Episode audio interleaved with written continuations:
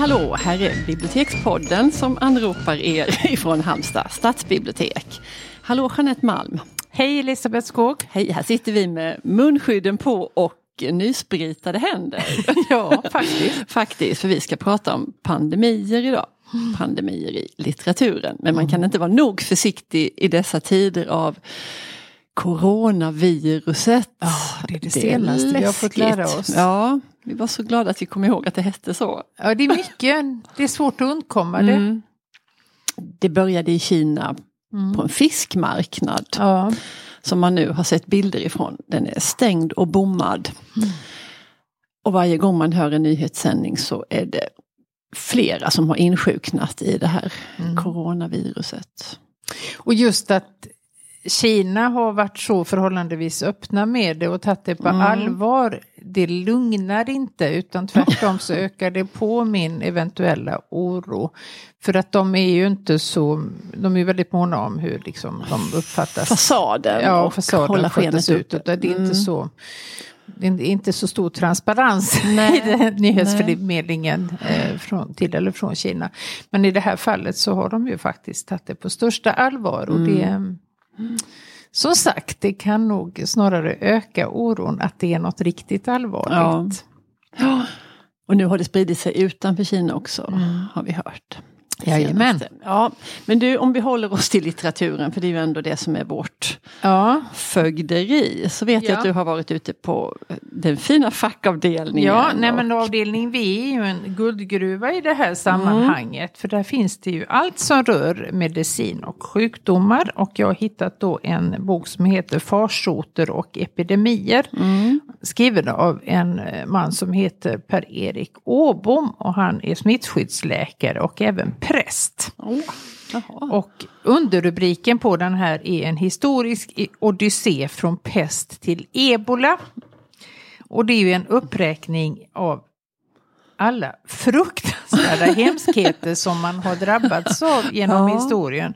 Och än en gång så får, jag, får, vi anledning att känna tacksamhet att vi lever nu ja. när det finns eh, botemedel. Mm. Än så länge ska sägas då. ja. Tills eh, vi de blir resistenta de här mm. Jo men då förr i tiden så fanns det ju verkligen ingen. Nej. Och det var ju också som har påpekats att den här så kallade boten kunde ju vara mer till skada än till nytta. Man kunde Ofta ju, var det ju, ja, de dog ju av eh, åderlåtning Jajamän, och, och det var, var kvicksilver och det var allt möjligt. ja. Men de ville väl göra något och genom ja. att pröva sig fram så uteslöt man ju vissa saker. Ja men sant, det göra något tycker jag ligger mycket i det. För det, det vill ja, man ju. som läkare så, ja. så, så, kräver ju också patienten att de ska göra något. Och det var ju han den här legendariske Semmelweis, mm. vet du vad han är berömd för? Ja, mm. det är ju eh, vaccinet. Ja. Han kom på det här med hygien. Ja, ja, med det här med, eh, med de, ja, att det överfördes genom händer och handhygien framför mm. allt. Utan... Särskilt när, de, när kvinnor födde barn och de ja. snittade och hade sig så använde de samma verktyg till nästa. Ja, och de kunde ju gå från en obduktion till mm. en operation. Ja. Eh, med samma kläder utan tvätta sig och samma verktyg och så mm. vidare. Så mm. det, patienterna dog ju som flugor.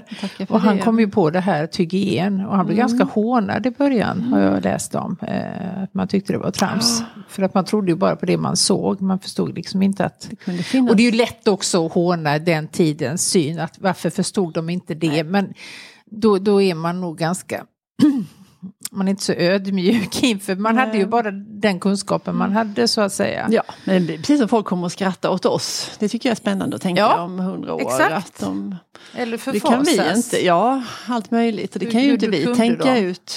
Nej, vissa vi saker tycker jag. Vi tycker ju ändå att vi är på toppen av vår förmåga. ja, men det är det här med hur vi behandlar och ser på djur som jag ja, tror kommer att bli där. Vår, vårt mm. arv. Att, Gud, mm. vilka barbarer ja, vi åt djur och hur vi, att vi inte förstod liksom deras Nej. Eh, förmåga till känslor och, och mm. tankar och så. Det var ett stickspår. Det var ett stickspår. Nej men det har ju funnits till. väldigt mm. många hemska sjukdomar som han går igenom i den här boken då, Per-Erik Åbom. Mm. Och det är ju då eh, tuberkulos och det är eh, spetälska och det är kolera och det är pest och det är framförallt, eller också alla de här farsoterna och hemsökelserna mm. i Bibeln som mm. är otaliga. Men du, det var något intressant med det här ordet farsot pratade vi om tidigare. Ja, eh, om vi det? använder det, om vi gör det. Mm, alltså Man säger kom... det i överförd bemärkelse att någonting sprider sig som en farsot. Mm. Och från början var det ju rent bokstavligt då eh, av de här olika leden. Dels att fara, alltså mm. att resa. Och sot som det är ett gammalt ord för sjukdom. Mm. Och det illustrerar ju väl vad det handlar om, mm. att det är ju någonting som sprider sig snabbt. Och det är ju utmärkande för de här pandemierna då att de går, det går undan. Mm. Eh, förloppet är snabbt och smittospridningen är snabb. Och jag tänker, alltså det är så lätt att föreställa sig Eh, att man sitter till exempel på ett flygplan, den här mm. slutna miljön som är ju väldigt smittovänlig. Alla andas in samma Alla luft förr eller senare. och ja. så sitter det någon eh, längst bak Smittad. och hostar. Och då mm. kan man ju tänka att ja. Mm. Så, så sårbara vi är. Mm. Eh, och naiva ja. samtidigt. Eh, nej men det har ju, det har ju existerat många eh, otrevliga sjukdomar genom århundradena. Ja. Gula febern och e ebola och den engelska svetten. det verkade väldigt obehagligt men det låter ju inte så farligt. Nej men det men var nog, jag vet inte så mycket om nej. det men jag tror säkert att den var dödlig. Ja, det var den. Salmonella, trikiner, mm. galna ko-sjukan. Just det. Alla Creutzfeldts Jakobs sjukdom. Usch ja, det var vidrigt ja. det med. Ja. Men du, nu tänkte jag att vi kunde förflytta oss till skönlitteraturen. För det här mm. fenomenet med pandemi och pandemier, det är ju ett tacksamt ämne att skriva romaner om. Mm. För det innefattar ju så mycket och det finns så mycket olika ingångar till det och många lager av hur man reagerar. Ja. Och Framförallt det psykologiska utsatt. likväl som ja. det fysiologiska. Faktiska, ja, ja. precis. Och den, faktiskt den första man tänker på där det är ju Albert Camus roman från 1947 som heter Pesten. Mm. Um, som jag, jag, tittade lite i den igår. Den, uh, den utspelar sig, hela den här boken utspelar sig i en stad i Algeriet. Den staden heter Oran, O-R-A-N. Mm. Eh, och en av de första sakerna som står det är att det är en liten ful stad. Ah. eh, som inte är riktigt mottaglig för årstidernas växlingar och det verkar vara liksom en öken. Väldigt eh, otippat. Mm. Det är sällan man beskriver städer, och absolut inte små städer nej, som fula. Nej, precis, men det gör han. Och det är ju där den här staden som är då um, skådeplatsen för den här epidemin som bryter ut där. Um, och han, det är också, det, uh, ja, man, huvudpersonen eller en av dem är en läkare som för dagboksanteckningar.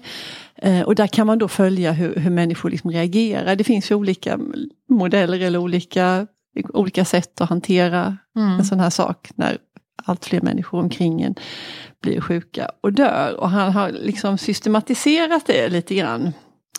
Eh, och det finns ett gäng personer då, det finns det ju alltid, det kan vi återkomma till sen, men att det är människor som vill tjäna pengar. Ja.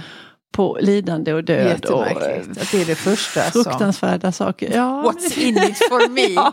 Att vad man kan jag, det. Precis, ja. vad kan jag casha in här nu då?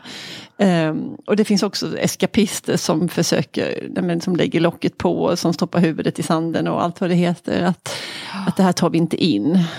Det här, vi är dödsdömda men vi glömmer bort det. Vi ja. partajar istället eller vi gör andra saker. Um, och så finns det ju också så gott som alltid personer som hävdar att det här är en, det finns Guds mening i detta. Det är rättvist. Ja. Uh, det är inget att eh, obstruera emot eller söka bot eller det här Men också att man tror att det är, det är någonting som har orsakats av ja, vi har, något man har gjort, ja, man har förtjänat det. Dumma. Ja. ja arvsynden ja, och liksom karma och allting ja, på en gång. Ja, ja, ja. men det är klart att man försöker, det är också ett sätt att skapa någon logik i det här helt kaosartade. Galna, orättvisa, hemska. Så Slumpen är för outhärdlig ja, att tänka sig. och då försöker man re, bringa någon ordning i det här. Mm. Det är mm. också mänskligt och sorgligt. I den här boken finns också en, en journalist, eh, Rambert, och han, eh, han försöker liksom organisera en kamp mot den här epidemin och, och bjuda motstånd och försöka bota och hjälpa till helt enkelt eh, tillsammans med några andra. Och han, han för också anteckningar och reflekterar och de får vi också mm. läsa i den här boken. Um, ja den håller sig och det där är liksom inte riktigt utsatt som jag vill minnas i boken när, när den här utspelar sig. Jag tror att man kan läsa Nej. den som en liksom, tidlös berättelse. Ja, det spelar ju inte så stor roll egentligen. Nej, nej. Eh, nej men den mm. boken jag har läst på temat är ju helt klart influerad, uttalat influerad mm. av Camus Pesten och den heter Som pesten. ja. Eh, och det är Hanne Vibeke Holst, den danska författaren. Men till skillnad från Camus Pesten så är ju Vibeke Holst boken ja. saftig tegelsten. Ja. Det är fyra gånger så tjock. Den är alldeles för tjock skulle jag vilja säga. Ja. Det är min... Synd. Ja. Eh, fast jag läste alla sidorna eh, i somras vill jag minnas. Och mm. den utspelar sig eh, på WHO, Världshälsoorganisationens huvudkontor i Genève. Mm. Och det är en dansk smittskyddsläkare som får en tjänst där som mm. hon ska vara samordnare för det här liksom, smittskyddet. Och hon hinner ju inte mer än flytta in på kontoret förrän det utbryter en, en misstänkt pandemi. Och det börjar i Ryssland och det är en mm. smitta mellan gris och människa. Och det är också det läskigaste av allt när det liksom eh, går Alltså man kan ta att det är mellan djur och mellan människor, mm. men att det är mellan djur och människor mm. som är nästan det kusligaste. Mm. Och det som hon visar i den här boken då, är väldigt, det är väldigt initierat. Jag köper allt det där liksom med hur arbetsmiljön och mm. hon har stora, alltså hon har gjort mycket research. Det är väldigt, väldigt tydligt. Mm. Eh, och att det är så mycket politik och eh, ekonomi och annat eh, som mm. spelar in. Mm. Det är inte bara att nu har det här hänt, informationen går ut, utan det är hur informationen, man filtrerar den och man håller inne den och så, som gör det att smittan kanske blir värre än vad den hade blivit mm. om man hade haft lite mm. större öppenhet med ja, det. Och det så att det, det finns alltid, precis som Camus skriver där, ja. då, det finns alltid olika intressen ja. i allting. Um, och det, och det beskriver hon väldigt mm. väl. Det tycker jag är väldigt obehagligt att tänka sig det där att mm. det finns liksom Även om man kan fatta det med de här olika intressena och vi går inte ja. ut med all information. Och... Nej, och de kan vara rent personliga ibland i hennes oh, bok också. Ja. Att det är någon som vill klättra eller någon mm. som inte vill att dens tidigare forskning eh, är liksom felaktig. Mm. Eller, alltså det, är, det är prestige och det är mm. politik. Alltså det är jättemånga olika komponenter eh, mm. som gör det väldigt att, komplicerat. Ja, man fattar ju att det är så men det är ändå sorgligt att ja. WHO liksom Ja. ja. men det är klart naivt att tänka så. så. Nej, men den, var, mm. den är intressant för den visar på alla de här olika eh, komponenterna och mekanismerna. Mm. Den är lite för tjock för att hon har med så otroligt många bihistorier som ja. i sig är spännande men som inte har någonting med själva huvudlinjen Nej, att de göra. kunde hon ju ha sparat. Alla bifigurerna har liksom sin egen historia och till slut blir det för, för mycket och för många sidor. Ja, och de för kunde hon ha sparat till en annan bok tänker jag. Det hade, gjort. var inte nödvändigt. Hon, hon, hon, det känns som att hon gapar över lite för mycket. Och det är tecken i tiden att man skriver inte de där eh, böckerna som Camus gjorde mm. som är mycket mer eh, nedtonade och sparsmakade både till innehåll och form och antal sidor utan man ska bre ut sig så jädra mycket. Mm. Varför, varför det? Vem är det som kräver det undrar jag? Nej. Alltså det finns ju faktiskt jättemånga som gillar tjocka böcker för har man gjort sig besväret att sätta sig in i en situation eller i ett mm. persongalleri eller en miljö eller vad det är. Så tycker man att det är väldigt trevligt att vara kvar där länge. Eh, att, det, att det finns ett motstånd mot att börja om. faktiskt. För jag funkar ju inte så, jag blir ju trött när jag ser sådana tjocka böcker. Ja, det ska eh. mycket till för att det ska hålla. Ja. Då är det bättre att göra som många andra, att man ger ut en serie. Mm. Eh, där varje bok är normal tjock. Mm. Men det är också något ängsligt med att skriva sådär. Ja, det lita på, på den liksom ja. grundstoryn och håll dig till den och mm. inte fläska på. med så mycket. Men det måste också finnas redaktörer på förlagen som kan hjälpa författarna med detta.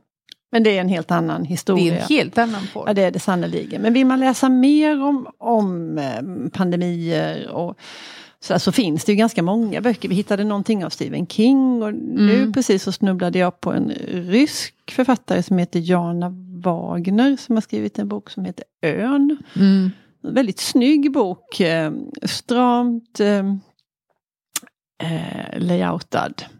Och det är en rysk dystopi som där ett virus orsakar en global pandemi. Och där är det också så här att där försöker de stänga inne den, i den här staden där det här grasserar så bestämmer myndigheterna att vi täpper till här. Mm. Mm. vi offrar personerna i den här staden på det att det här inte ska sprida sig så de hindrar folk från att köra ut de här utfartslederna som finns ifrån staden. Mm. Och så där. Det där skapar ju en fruktansvärd panik och det är såklart människor som... För de vet om det då? De anar ju ja, det och ju ja. mer liksom låst och stängt det verkar vara desto större blir ju skräcken och viljan att försöka ta sig därifrån. Så man får följa en familj som, som är på flykt ifrån den här mm. pesthärden. Mm. Såklart. Och så är det just deras flykt och deras vandring som skildras i boken. Och då tänkte både du och jag på Cormac McCarthys bok Vägen. Mm.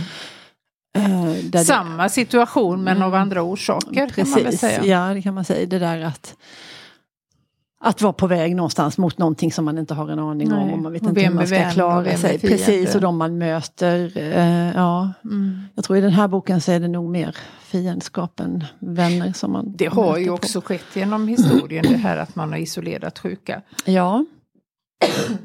Spetälske kolonier. Ja, Spinalonga, det finns också en roman. Spinalonga. De mm. spetälskas ö. Mm. Mm. Och så sent som på 80-talet när aids eh, utbrottet kom mm. och man greps av fullkomlig panik i, överallt där mm. det uppstod så var det ju faktiskt en högt uppsatt person på Socialstyrelsen som på fullt allvar föreslog att man skulle isolera folk på svenska sjuka. På öar. På öar. Mm. mm. Detta har ju, Jonas Gardell har ju skildrat detta både i bokform och i tv-serien, den här Torka aldrig tårar utan ja, handskar. Ja. Um, Väldigt väl uh, gestaltat. Ja, och det var ju inte så himla länge sedan. Nej, det är inte alls länge sedan. Med vårt perspektiv är det ju Nej. verkligen inte länge sedan. Uh, enorm panik. Ja. Uh, och att man överdrev de här smittvägarna så otroligt mycket också. Man mm. behandl de behandlades ju verkligen värre än spetälska. Mm. Ja, och där var man ju också inne på det här som vi pratade om när vi pratade om Camus, det här med att det var Guds straff. Och mm. Eftersom det var många homosexuella som drabbades. Ja. Så, att man eh, skilde på de som hade smittats, eh, liksom på, på vilket sätt. För mm. att det fanns ju två kända smittvägar från början. Mm. Dels var det ju de eh, homosexuella männen. Ja. Och sen var det ju de som hade fått blodtransfusioner. Ja. Och de som hade fått transfusionen den vägen, de, var ju, det var, de hade ju en mycket högre status. Ja, det, de var det ju synd om. Det var väldigt synd om dem, mm. vilket det inte var om de andra. Nej. Utan de fick lite grann, de fick mer eller mindre kast. uttala att skylla sig mm. själva. Mm. Eh, fruktansvärd syn på sjukdom och lidande. Ja. Det, han fångar ju bara i den här rubriken, det här torka aldrig tårar utan handskar, så fångar han ju hela ja. den här problematiken. Och Exakt. Det här fruktansvärda och tårarna och handskarna. Det, mm. Ja. Mm. ja um. Nej men det finns, det är ju den sista boken om det här ämnet är säkert heller inte skriven och vi har ju verkligen bara skrapat på ytan. Ja. Men tycker nog att de böckerna vi har gett är väl läsa. Och jag, jag blir mm. väldigt sugen på att faktiskt läsa om Camus nu när jag mm. har eh, mm. Vibeke Holster i färskt minne. Ja. Så vi se vad han gör av samma ämne med ja. ett betydligt mindre omfång. Ja. ja. Nej men vi stänger butiken för idag. Det gör vi. Ja och tar av våra munskydd. ja. ja. Hej. Hej då.